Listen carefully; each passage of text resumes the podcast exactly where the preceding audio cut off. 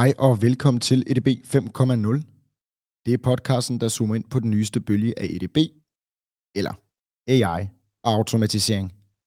Vi tager tech op af kælderen og ud i forretningen.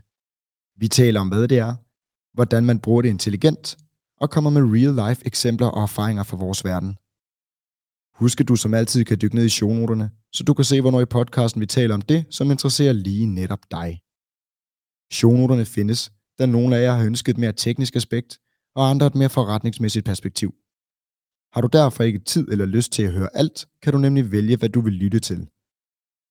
Tidligere har vi haft Anders Falk Fransen fra Carlsberg i studiet, som er lead på Intelligent Automation i Carlsberg, for at høre om, hvor de er i dag, og hvad de kigger ind i. Den episode kan du finde længere nede.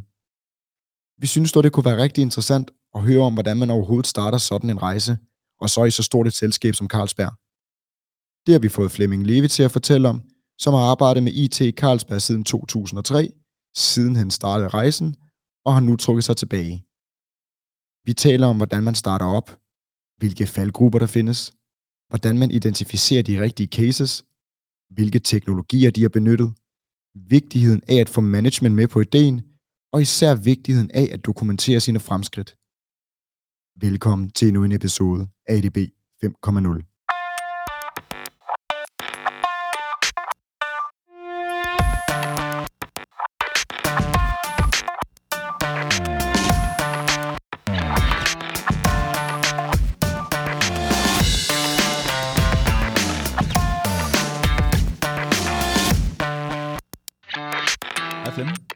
Mathias.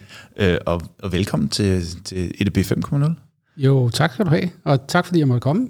Selvfølgelig, selvfølgelig. Det, er- Jeg er meget spændt på, hvad der skal ske. jamen, altså, det er også en ære at have... Vi har jo fået dig omtalt øh, som øh, the, the grand old man inden for øh, intelligent automatisering i, øh, i Carlsberg tidligere. Så, så, så i vores øjne, der er du lidt af en æresgæst med. Så, øh, Tusind tak. det, var- det var i hvert fald derfor, vi kontaktede dig til ja. At starte med. Men, men Flemming, øh, det var selvfølgelig øh, det, var- det var min øh, meget glorificerede version af, hvem du er.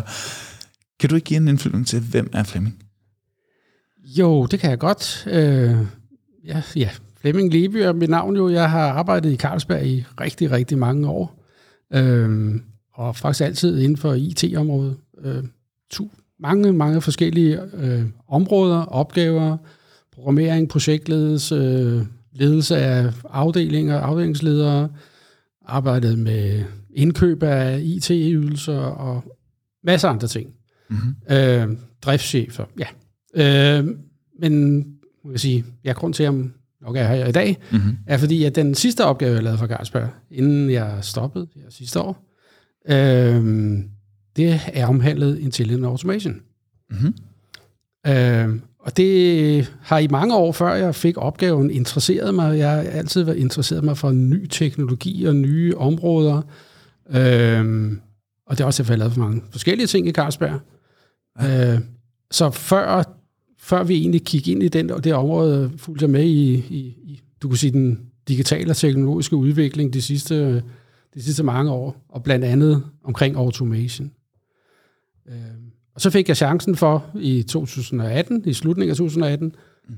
at, at overtage noget nyopstartet Intelligent Automation, som vi startede i Carlsberg. Så øh, det har jeg så lidt erfaring med, som vi, fra vi kommer lidt tilbage til. Super fint. Og, og Flemming, øh, nu er du stoppet i Carlsberg. Hvad laver du så nu? Jamen, jeg har sådan jo lidt trukket mig tilbage, kan man sige, men jeg har stadigvæk en passion for, for automatisering og digitalisering. Og måske også mest en passion for, hvad det egentlig kan gøre for os som samfund.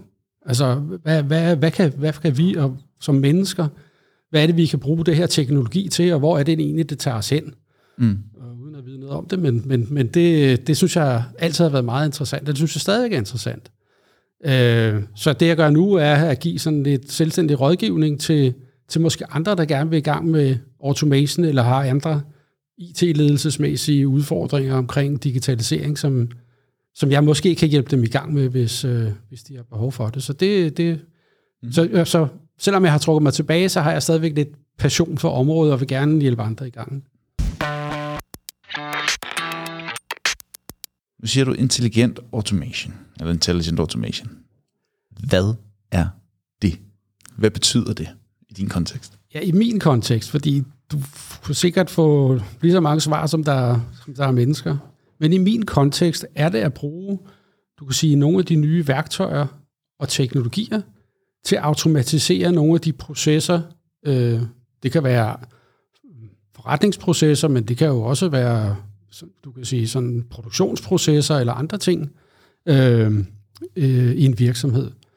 Øh, og når jeg snakker om intelligent automation, så er det fordi, der findes jo for eksempel RPA, som er det, vel det første del af værktøjet. Øh, men i min optik er det nødvendigt at kombinere de forskellige værktøjer. Altså for eksempel RPA, øh, Artificial Intelligence, øh, noget Machine Learning, noget OCR-scanning, noget Natural Language Processing, altså alle de der nye teknologier, der er, at der, hvor du får den rigtige benefit, det er, når du kombinerer værktøjerne med hinanden på den rigtige måde. En anden ting er måske omkring intelligent automation. Det er sådan lidt, du skal også vide, hvad det er, du vil automatisere. Så der er måske også lidt intelligens i at forstå og undersøge, hvad, hvor er det egentlig, det kan give værdi at lave noget automatisering, fordi det er bestemt ikke alle steder, det kan give værdi. Så man skal automatisere intelligent med intelligent automation? Det er en god måde at sige det på, ja. tak for det.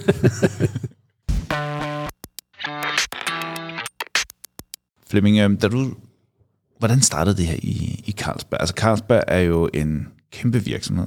Øh, jeg går ud fra, at der er en pokkers masse initiativer allerede eksisterende, øh, eller det var der måske, da I startede, omkring at automatisere, eller i hvert fald effektivisere, processoptimere, alle sådan nogle ting. Hvordan ender du lige pludselig med at sidde med noget, der hedder intelligent automatisering øh, i en så stor koncern? Vi havde et større program, kan man sige, omkring at procesoptimere primært på, på hele finance-området, men, men, men generelt set. Og i det program blev der startet sådan et, et hjørne, kan man sige, omkring, skulle vi ikke prøve at kigge på det her RPA? Øh, og det startede i starten af 2018. Mm. Øh, og man siger, det første år var sådan lidt, lidt lære over. Der blev ikke rigtig leveret sådan den, de benefits, som man havde, nu havde forventet, at man skulle levere. Mm. Øh, så i slutningen af 18, øh, hvor jeg så fik lov til at komme til, der var det ligesom, at vi skal prøve, om vi kan gøre det på en anden måde. Vi skal ligesom prøve at nytænke det her opstart af Intelligent Automation. Hvordan var det, det, det startede? Altså, hvad var det, der skete det første år siden, det var, øh, altså, der ikke rigtig blev leveret de resultater, der skulle? Og hvad, hvad var årsagen til det? Jamen, jeg tror, der var mange ting, tror jeg, men jeg tror, for det første gik man sådan meget bredt ud og spurgte i organisationen, øh, har du et eller andet, vi kan automatisere? Øh, og det fik man rigtig, rigtig, rigtig mange gode svar på, eller i hvert fald svar på. Ja. Men det viste sig hurtigt, at masser af tingene var sådan, eller dem man, man havde måske ikke spurgt rigtigt, eller også havde man fået nogle svar, som hvor folk troede, at jeg havde bruger to timer om måneden på det her. Det synes jeg er irriterende, kan du ikke automatisere det her for mig? Okay, men mange andre end dig laver det. Ja, ikke ret mange andre.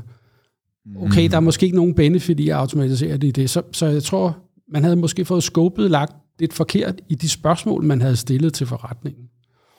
Derudover kan man sige, så havde man måske heller ikke overvejet teknologien godt nok, eller havde ikke erfaring med teknologien.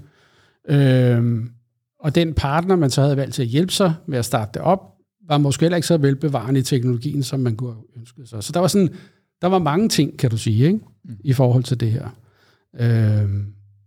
Er det nødvendigt med mange af de der... Øh altså, øh, jeg skulle til at have et fjumreår, men, men er, er det nødvendigt, at man skal det igennem?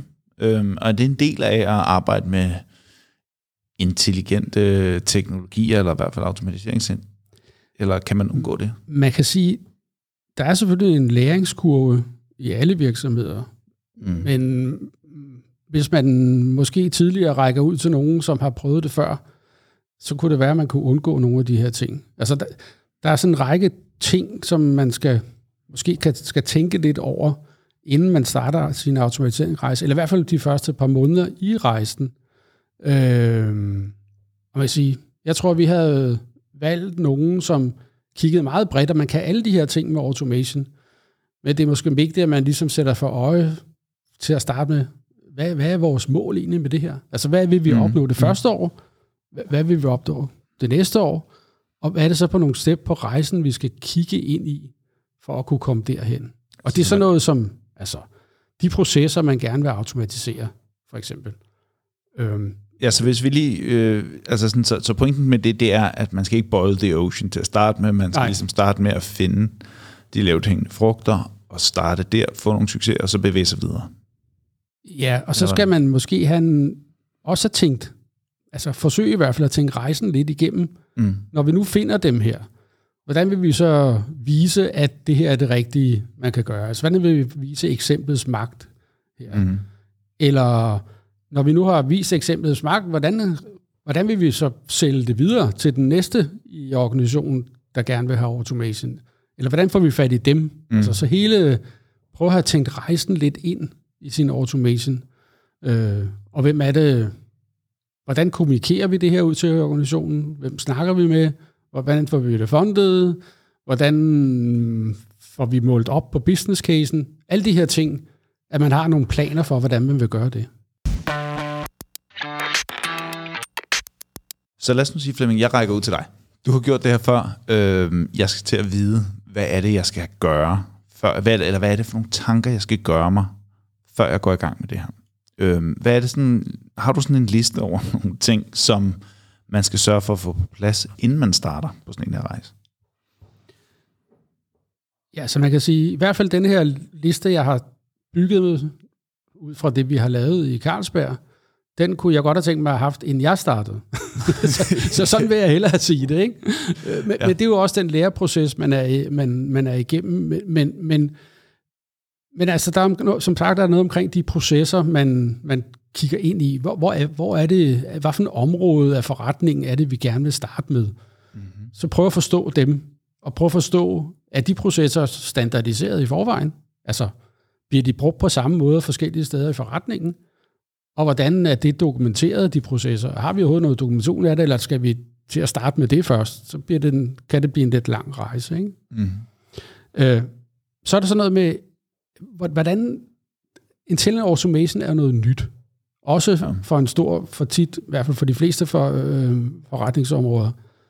Så hvordan er det, vi kommer ud og fortæller forretningsområderne, hvad det her kan, hvad for nogle benefits det kan give, det kan give dem, og hvordan vi, hvordan vi vil hjælpe dem på rejsen.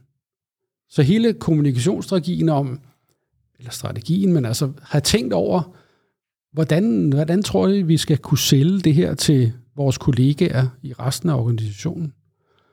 Og, og salg er en ting, men anden, hvordan får vi også solgt det til den ledelse, der skal fonde, at vi gerne vil gøre det her. Mm-hmm. At de også mm-hmm. kan se, at det her er en god idé. Så det er så måske sådan punkt nummer to. Mm-hmm. Tre, ja. hvordan har vi tænkt på at organisere det setup, der skal lave den her automation? Altså, der skal bygge de her automations, der skal vedligeholde dem, når de er driftet, der skal køre diskussionen med forretningen, øh, der, der skal sørge for, at der bliver funding, alle de her ting. Og, og det kan vi sige, når vi startede op, det gjorde vi jo, så startede vi med to-tre mand, og så er det måske nemt nok at styre, men hvordan har vi tænkt rejsen? Hvor kunne vi godt tænke os at komme hen? Hvis det her bliver en kæmpe succes, hvordan vil vi så have ressourcer nok til at udvikle alle de automations, som forretningen gerne vil have, så vi ikke skuffer nogen? Så er der masser så en skaleringsplan som en del af det. Ja, men hele, egentlig hele organiseringen. Ikke? Altså, igen, man kan nok ikke tegne det fra starten, men have gjort sig nogle tanker om, hvad er det for nogle ting, vi kan komme ud for, og hvad har, har vi ligesom en plan B i, i baglommen, hvis vi kommer ud for det? Ikke? Ja, hvad, hvad hvis vi bliver ramt af succes? Ja, præcis. Fuha. ja. men, men det er jo det, der er hele målet, ikke? kan du ja. sige. Ikke? Mm-hmm. Og så måske tilbage til det, vi snakkede om før. Hvordan identificerer man de her gode value cases. Mm-hmm. Som sagt, vi fik en katalog på 150 eller 200 idéer, tror jeg. Men da vi fik det, og det tog lang tid at gennemgå dem, øh, men da vi fik det bøjlet ned, så var der måske 10-15 højst idéer, som vi kunne arbejde videre med, og måske ud af det kom der måske fem, som var egentlig re- reelt værdiskabende idéer. Ikke? Mm, mm. Så det vi og igen, på, på bagkant, det vi prøvede at gøre, at bygge en case, eller i hvert fald nogle value cases, der siger, det er nogle af de her ting, der skal være til stede, når du går ud og snakker med forretning, for at du kan sige, ah, det her lyder som om, det kunne vi godt lave en god automation ud af. Hvad kunne det for eksempel være? Hvad, hvad er det, man skal kigge efter? Hvad er indikatorerne? altså nogle af de ting, som, som også de softwareventer, der sælger de her tools, det er sådan noget med, at det er repetitivt. Ikke? Altså ting, som folk gør igen og igen og igen og igen og igen, og der er mange, der laver det. Altså nogle transaktioner, som der er. Det er sådan, det er sådan den, måske den, den nemme. Ikke? Mm. Øh, men, men så er der også ting, som, som altså andre ting, som for, for eksempel det her med, at den proces, du vil automatisere, er den godt beskrevet i forvejen? Eller skal du til at starte forfra med at beskrive hele processen, før du kan finde ud af, hvordan du skal automatisere den? Ja, fordi så er der lige pludselig dobbelt så meget arbejde. Ja, præcis. Ikke? Ja. Altså, så, så, øhm, og så til selvfølgelig den sidste ende, kan vi se, at der er noget økonomisk benefit ved at lave, fordi det koster nogle penge ud. Altså, automatisering er jo noget, der skal bygges, kan man sige. Der findes nogle gode, rigtig gode værktøjer til at hjælpe dig med at bygge dem, Mm. men du skal bygge dem, og du skal vedligeholde dem. Så er der så stadigvæk en god business case i at bygge dem og vedligeholde dem? Underforstået får vi investeringen tilbage, og helst en del mere end investeringen tilbage på at have bygget dem. Så det vil sige, det handler om, at man skal finde noget, der er repetitivt, man skal finde noget, der er veldokumenteret, eller en fast proces for, øh, og så skal det være noget, der rent faktisk også giver noget benefit value i den anden ende. Ja. Ja. Og så til at starte med i hvert fald, noget som ikke er for kompliceret. Ja. Og det er så selvfølgelig læreprocessen. Altså en proces, som ikke er mega kompliceret med Ja, fordi 20 hvad- forskellige udfald af, hvis der sker det her, så kan du gå 20 forskellige andre veje. Men altså, at processen er sådan rimelig strømlignet. Så, så når du siger rimelig strømlignet, så vil det sige, hvis man forestiller sig en proces som sådan et, øh, et, et tælletræ, eller sådan en decision tree, Ja. at der ikke er for mange afgreninger i det, Præcis. men der er meget få øh, veje at tage i det decision tree. Ja, i hvert fald til de processer, man skal starte med, når man skal vise, at det her er noget, som vi godt kan finde ud af. Cool. Var det, var det, var det listen for, øh, for, for learningsen? Altså, der er så også noget omkring, når man, igen, når man starter det op, så kommer man jo med et nyt initiativ, kan du sige. Vi vil Mm. gerne automatisere noget, Mm. men hvad for nogle andre initiativer er der så for eksempel i det forretningsområde, eller er der i IT-området i forvejen, som man skal linke ind i? Altså, hvordan skal vi ligesom, så vi ikke øh, enten, altså, enten at vi ikke ødelægger noget for nogle andre, eller siger, prøv at høre, du har allerede et projekt her. Hvorfor, når du nu skal implementere den her IT-løsning, hvorfor tænker vi ikke automation ind i det med det samme? I stedet for ligesom at komme på baggrund og sige, nu har vi implementeret et, ny, et nyt projekt, som er måske en eller anden løsning til en salgsmedarbejder, Mm. men alle de her interaktioner, salgsmedarbejderen så har med løsningen, hvorfor har vi ikke en- tænkt automatisering ind i dem Ja. ja. til at starte med?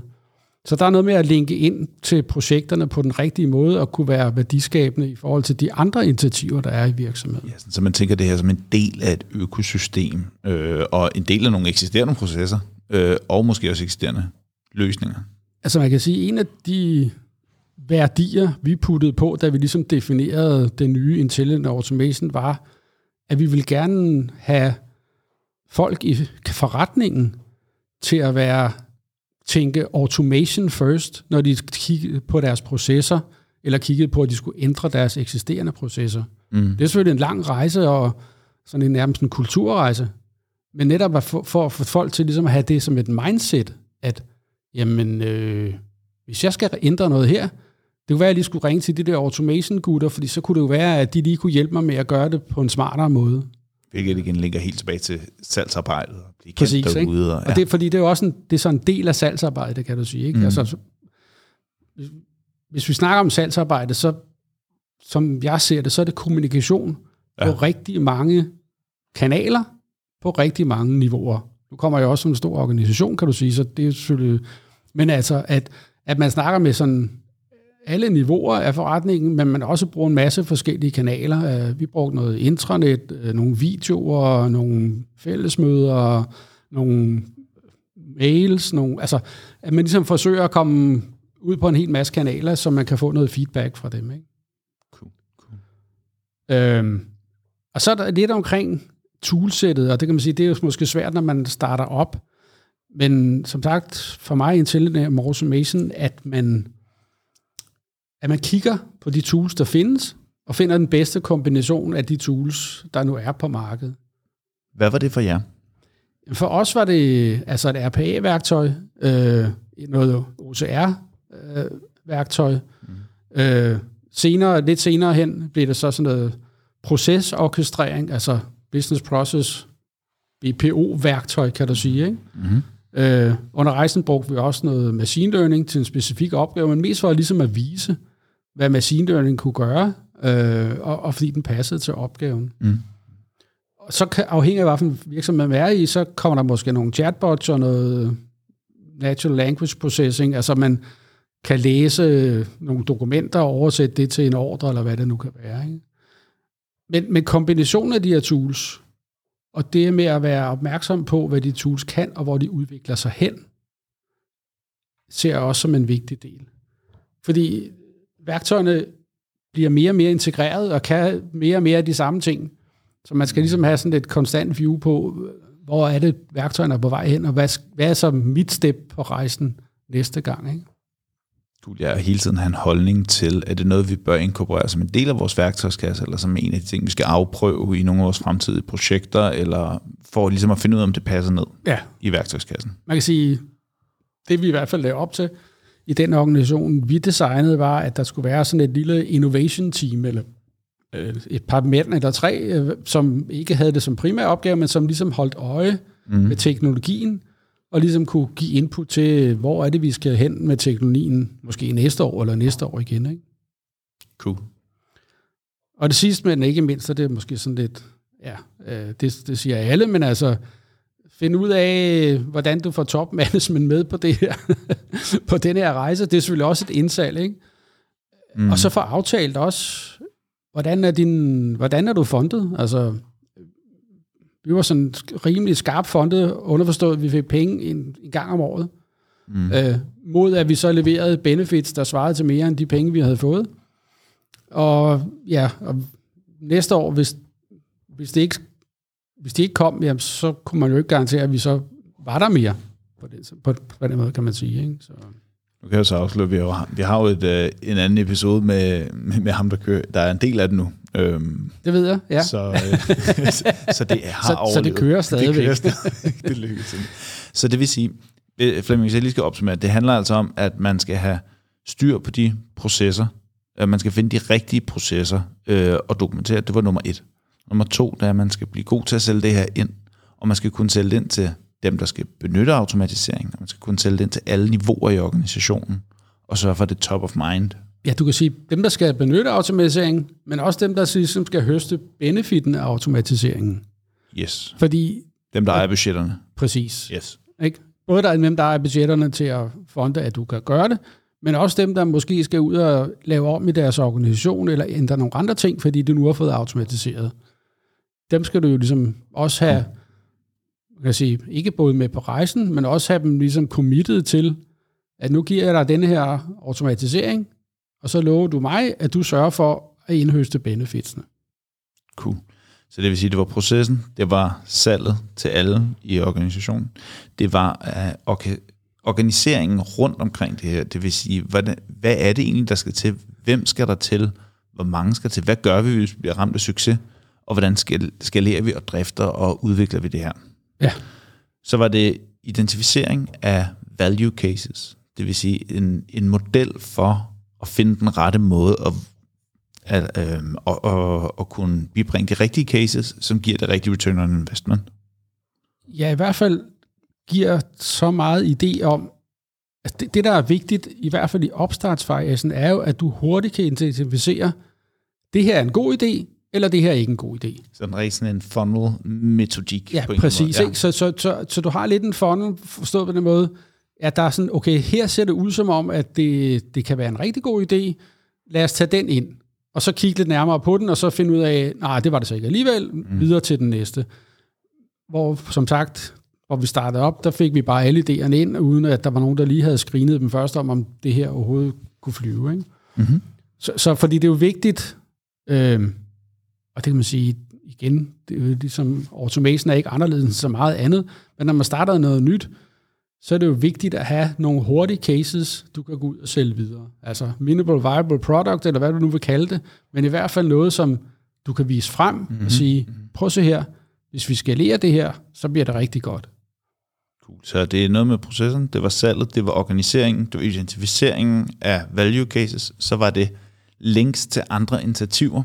Det vil sige at sørge for at få det bagt ind, måske i eksisterende projekter, eksisterende løsninger, i stedet for at se det her som en silo for sig, og et eller andet, man ligger oven på noget andet, men det kan lige så godt være en integreret del af noget eksisterende.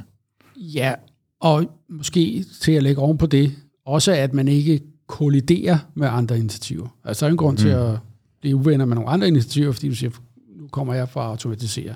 Så ligesom at være sikker på, at man rammer det rigtige punkt i forhold til, hvornår det er rigtigt at automatisere denne her del af forretningen. Modtaget. Og så var det det næste sidste punkt på, på listen, det var omkring toolsættet, Det der med ikke øh, kun at have en hammer i værktøjskassen, men at have en hammer og en skruetrækker og en svensk nøgle, sådan så, og hvilket i jeres tilfælde for eksempel var RPA, Machine Learning, øh, et Business Process øh, øh, Automation Tool, et øh, noget NLP, potentielt chatbots osv., sådan, så man kan tilpasse de rigtige tools til den rigtige case. Ja. Og så hele tiden holde øje på, hvad, hvad er det, der kommer af nye ting, ja. og hvad er det, det udvikler sig, og hele tiden Så når nu skruetrækkeren bliver elektrisk, og også kan bore, skal du så både have en skruetrækker og en boremaskine, altså to tools, eller skal du bare have den der skruetrækker, som også kan bore? Okay, props for analogien, fedt.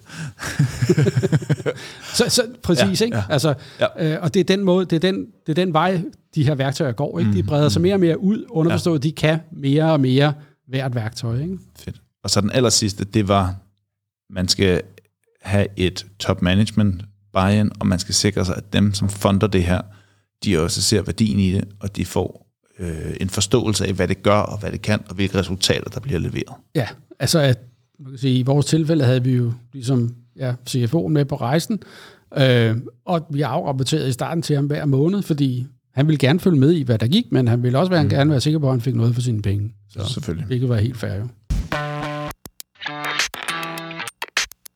Flemming, har I fucket op undervejs i det her? Ja, selvfølgelig har vi det. Eller fucket op er måske sådan et hårdt ord, men, ja. men, men som sagt, rejsen var jo lidt, at vi startede, hvor vi ikke rigtig fik lavet de benefits, fordi vi havde gjort nogle fejl øh, der i, i starten af 18. Øh, og i, du kan sige, da vi så lavede om i hele setup'et, eller i hvert fald foreslog, vi lavede om i hele setup'et, valgte en ny partner, øh, så, så, så, var det, så, så gik vi selvfølgelig også nogle fejl i det. Vi skulle starte op, og vi skulle finde de her cases, og mm. de første par cases, vi fik lavet, gav måske ikke lige helt den benefit, men dem, dem lærte vi så noget af. Ikke? Så, så, så, så selvfølgelig har vi det, og der var der også nogle af de cases, jeg vil sige, der, der er mange ting på rejsen, der kan gå galt. Ikke? Øh, så det første, hvis man ikke finder den rigtige case og udvikler noget, og så, så ikke rigtig giver det benefit. Men det er det, man forholdsvis hurtigt af. En anden ting, som man skal være opmærksom på, det er jo, at selvom man laver commitment ude i forretningen til, at øh, her nu laver vi en, automatis- en automatisering til dig, som giver dig den her benefit, og alle er glade og sådan noget. Når man så skal ud og value-realisere de her benefits, så kan det godt være, at man skal bruge noget tid til at diskutere det også, øh, fordi det er jo ikke altid... Kan lige prøve at uddybe det? Hvad mener du? Hvad, hvad, kunne, det, hvad, kunne, hvad kunne et eksempel på det være? Ja, men, hvad betyder det? Et, et eksempel kunne være, at øh, der sidder seks mand i den her afdeling, og nu laver man en automatisering, og den kan sådan på papiret i hvert fald ikke spare halvanden mand, men i hvert fald gøre, at halvanden mand kan lave noget andet. Øhm, og det aftaler vi så, at det er det, automatiseringen kan, og nu går vi så ud og leverer den, og det viser, at det, det er faktisk det, den kan.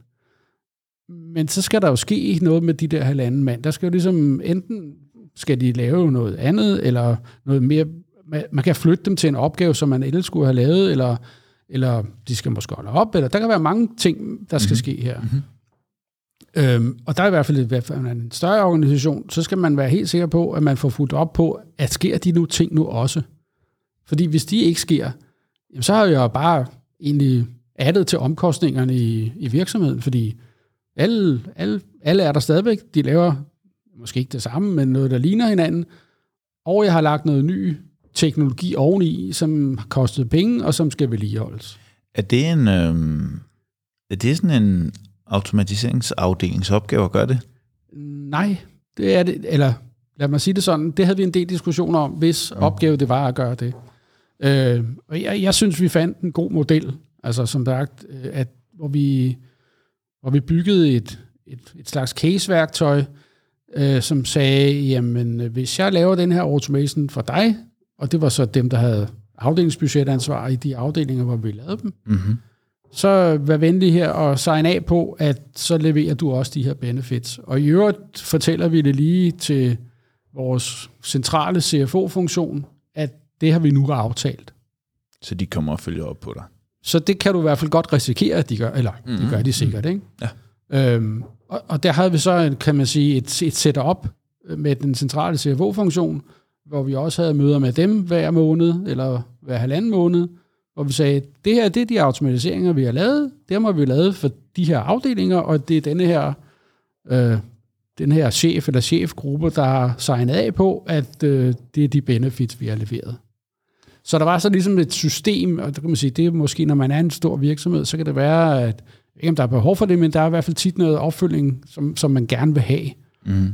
Øh, og det var derfor, vi byggede den her model. Og det viser altså, selvfølgelig var det diskussioner stadigvæk, men det hjalp i hvert fald gevaldigt på diskussionerne, at man havde den her dokumentation på plads, Mm-hmm. som man kunne tale ud fra og diskutere ud fra. Jeg synes, det lyder som en rigtig, rigtig, et fedt initiativ at have med, fordi det er nemlig ofte der, hvor så bliver der sat, altså folk er virkelig aktive i en business case sammenhæng. Når men man i- bliver lavet, ja. ja, er du gal, mand, så kan man virkelig spare meget, men øh, så kommer hele realiseringen bagefter, Ja. efterfølgende, og så, det- så er det bare ikke lige så interessant, fordi gud, hvad nu, hvis det ikke viste det, det skulle? Ja. Det betød selvfølgelig også, at der var lidt mere arbejde i starten, når vi byggede de her automation cases. Fordi vi var ligesom nødt til at dokumentere, selvfølgelig i samarbejde med de afdelinger, vi lavede det for, hvor er det benefitten ligger. Mm-hmm. Og ligesom beskrive, det er det her, der er benefitten. Altså, ned Men- i, Men ned i hvad, det detaljer. spørge dig, hvis man nu, hvis man nu øh, synes, at det, det bliver lige lovligt meget papirnusseri, ikke? altså hvis det begynder lige pludselig at gøre processen inden automatiseringen meget tungere, og en masse arbejde efterfølgende på at følge op, vil den tid måske ikke være bedre givet ud til at få kørt noget mere igennem maskineriet? Eller, eller hvad tænker du om det? Eller hvad var jeres erfaringer med det? Altså, jeg vil sige det sådan, det kommer vel meget an på, hvad for en virksomhed man er i. Mm-hmm. Øhm, og hvad den virksomhed er drevet af. Øhm, og i hvert fald, altså når man er en lidt ældre virksomhed, lad os bare sige det sådan, øhm, jamen så, så er man jo selvfølgelig drevet af, af nye initiativer innovation og sådan noget, Mm. men er da lige så meget drevet af, at vi skal tjene nogle penge, og vi skal være sikre på, at vi bruger pengene, vi bruger til at tjene de andre penge med, at vi bruger dem rigtigt.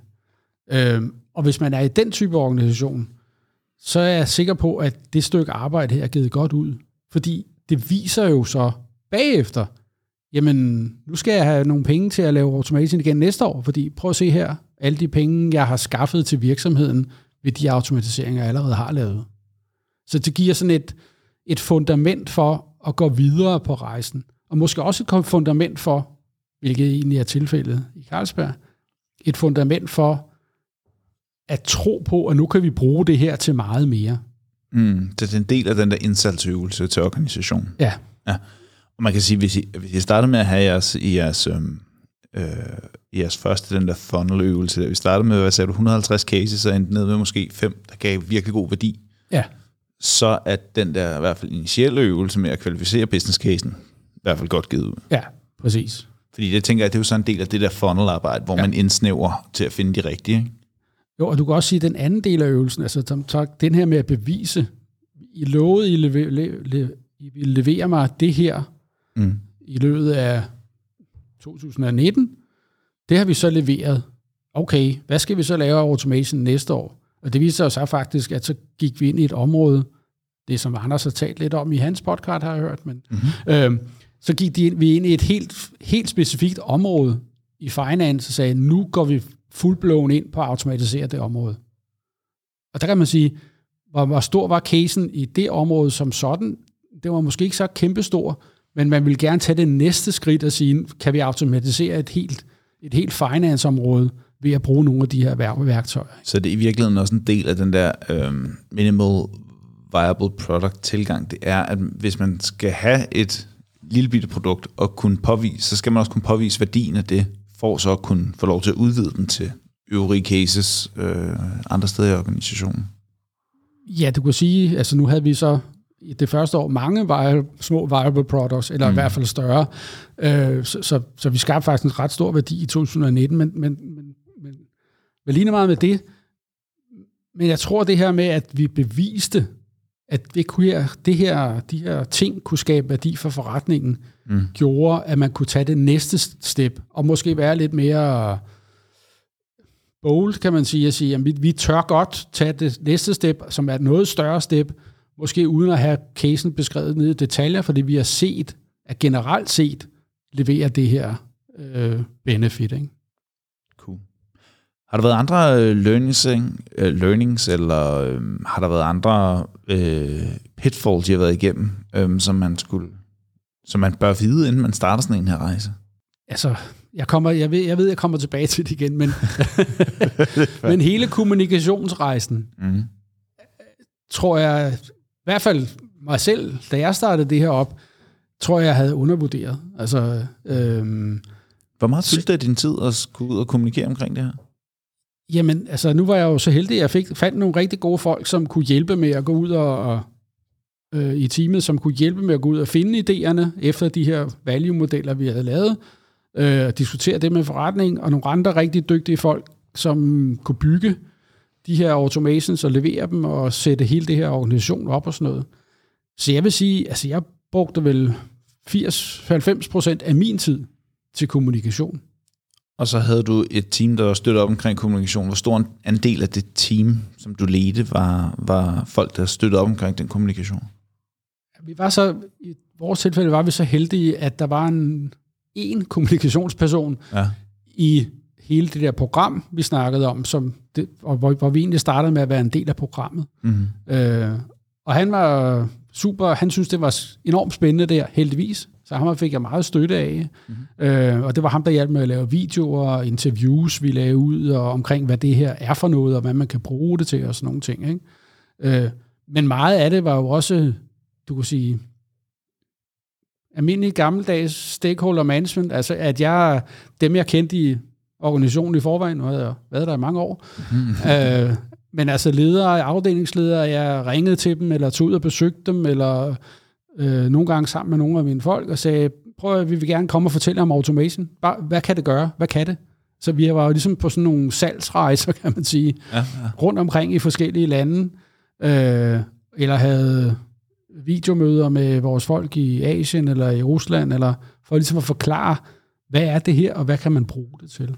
Så, så, så øh, jeg vil sige, at jeg brugte ja, 80, 85 procent af min tid til, til kommunikation og stakeholder management øh, i forhold til det her.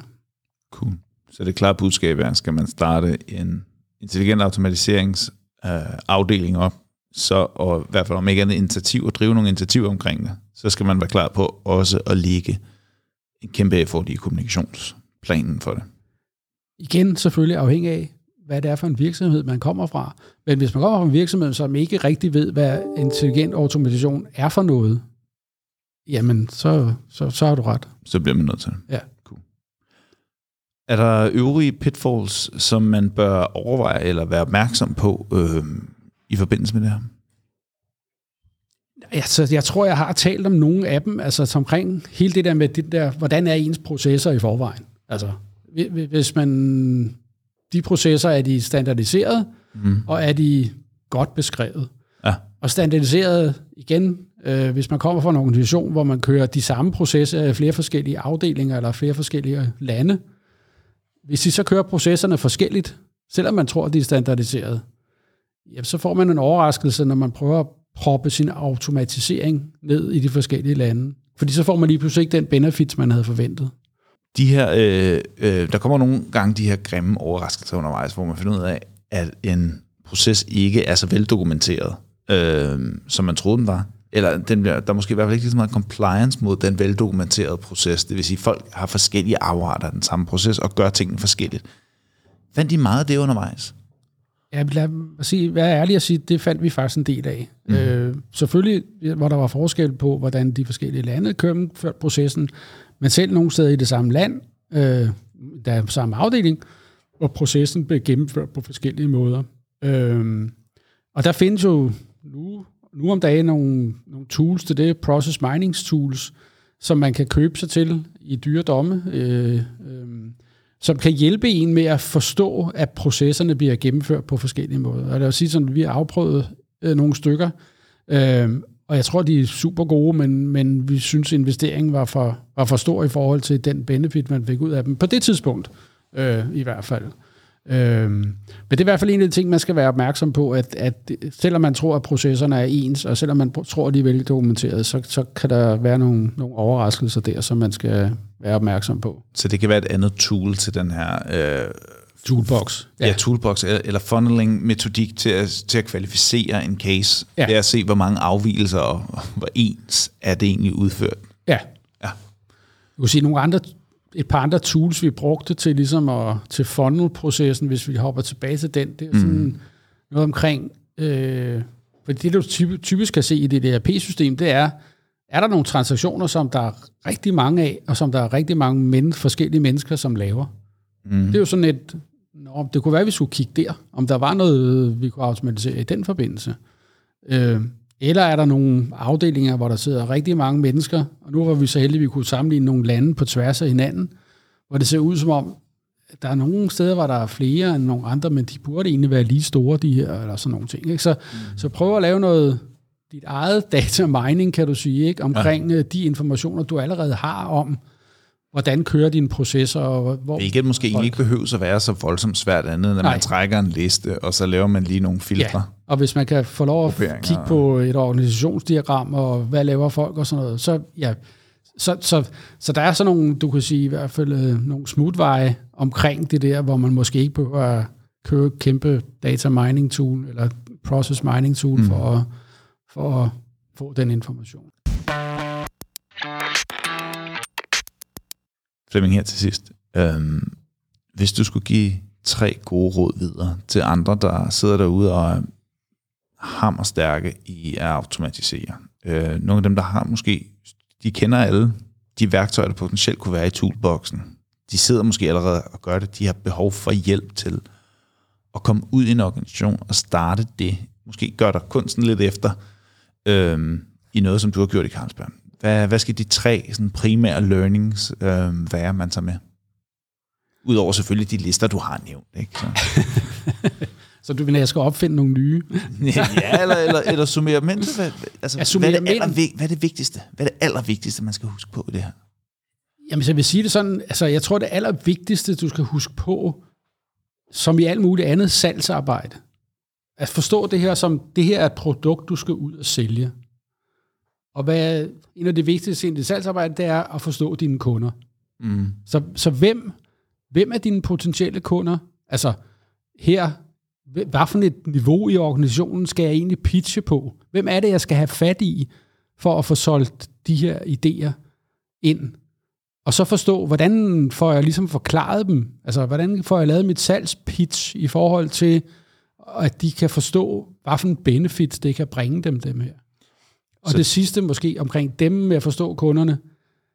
Altså vi oplever jo, at der vil være nogen, som sidder på det samme niveau, som mm. sidder med nogle af de samme udfordringer, som er lidt mere, du kan sige, glade for innovation og ny teknologi end andre. Så hvis du kan finde dem, der også har sådan lidt øh, teknologiinteresse i sig, så har du ligesom en, en win-win situation. Ikke? Altså nogen, som øh, forstår forretningen, kan du forklare problemet, du kan forklare, hvad toolet kan, og som også er interesseret i at lave noget nyt. Mm. Så, så har du en god chance for at, for at have et godt indsalg. Og de første to salg er ligesom de vigtigste, ikke? Fordi så har du noget at vise alle de andre. Cool. Så det vil sige, det var noget med, altså hvis jeg, hvis jeg lige skal prøve at opsummere det, så var det altså, det er noget med, at man skal kunne sin salgspitch, man skal vide, hvem sine kunder er, og man skal finde de rigtige kunder, i form af dem, som der er måske innovationslyste.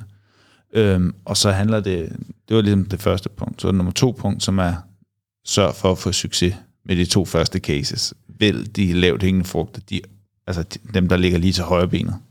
Ja, eller lav de første 4-5 cases, og så udvælg to af dem, som du vil bruge til at sælge. Ikke? Fordi der, du vil sikkert... Mm. Altså, der er jo en, ja, der er en læringsproces, ikke? Ja. ja, præcis. Ikke? Ja. Men vælg så dem, du vil bruge som referencecases i dem her. det, det er der, hvor det er lidt fancy måske. Altså, det, her kan vi virkelig se, eller her kan folk forstå, hvad det er, du har automatiseret. Det kan faktisk være svært. Mm. Når man skal vise en automatisering, hvordan skal du så vise den? Fordi den kører bare i baggrunden, eller hvad den gør, ikke? Så det er, hvor man kan virkelig sætte en god historie. Så, så du kan fortælle en god historie, og du har også en god business case. Altså god. Du mm. kan ligesom vise, jamen fordi den gør det her, så har vi sparet eller har fået benefit for så mange penge. Og den, øh, den aller sidste ting, som folk skal have med, hvad skal det være? Ja, altså hvis du skal ud og sælge noget, mm. så skal du også selv tro på ideen jo. Altså, det, mm. sådan, sådan har jeg, så, så vær, vær, vær på ideen selv, og være måske igen lidt bold, altså tage lidt chancer i forhold til, øh, ikke at man skal oversælge tingene, men at det, hvis du selv tror på ideen, så ved du også, at det kan lykkes. Du ved, at det kan blive en svær vej måske, men tro på den, og hvis du sælger argumenterne ved, at du tror på det på den måde, mm. så tror folk også på, hvad du siger. Det synes jeg er et smukt sted at afslutte for i dag. Så tusind tak, Flemming. Tusind tak, fordi jeg måtte komme, Mathias. Det var fantastisk og meget, meget interessant at høre. Tak for det. Selv tak.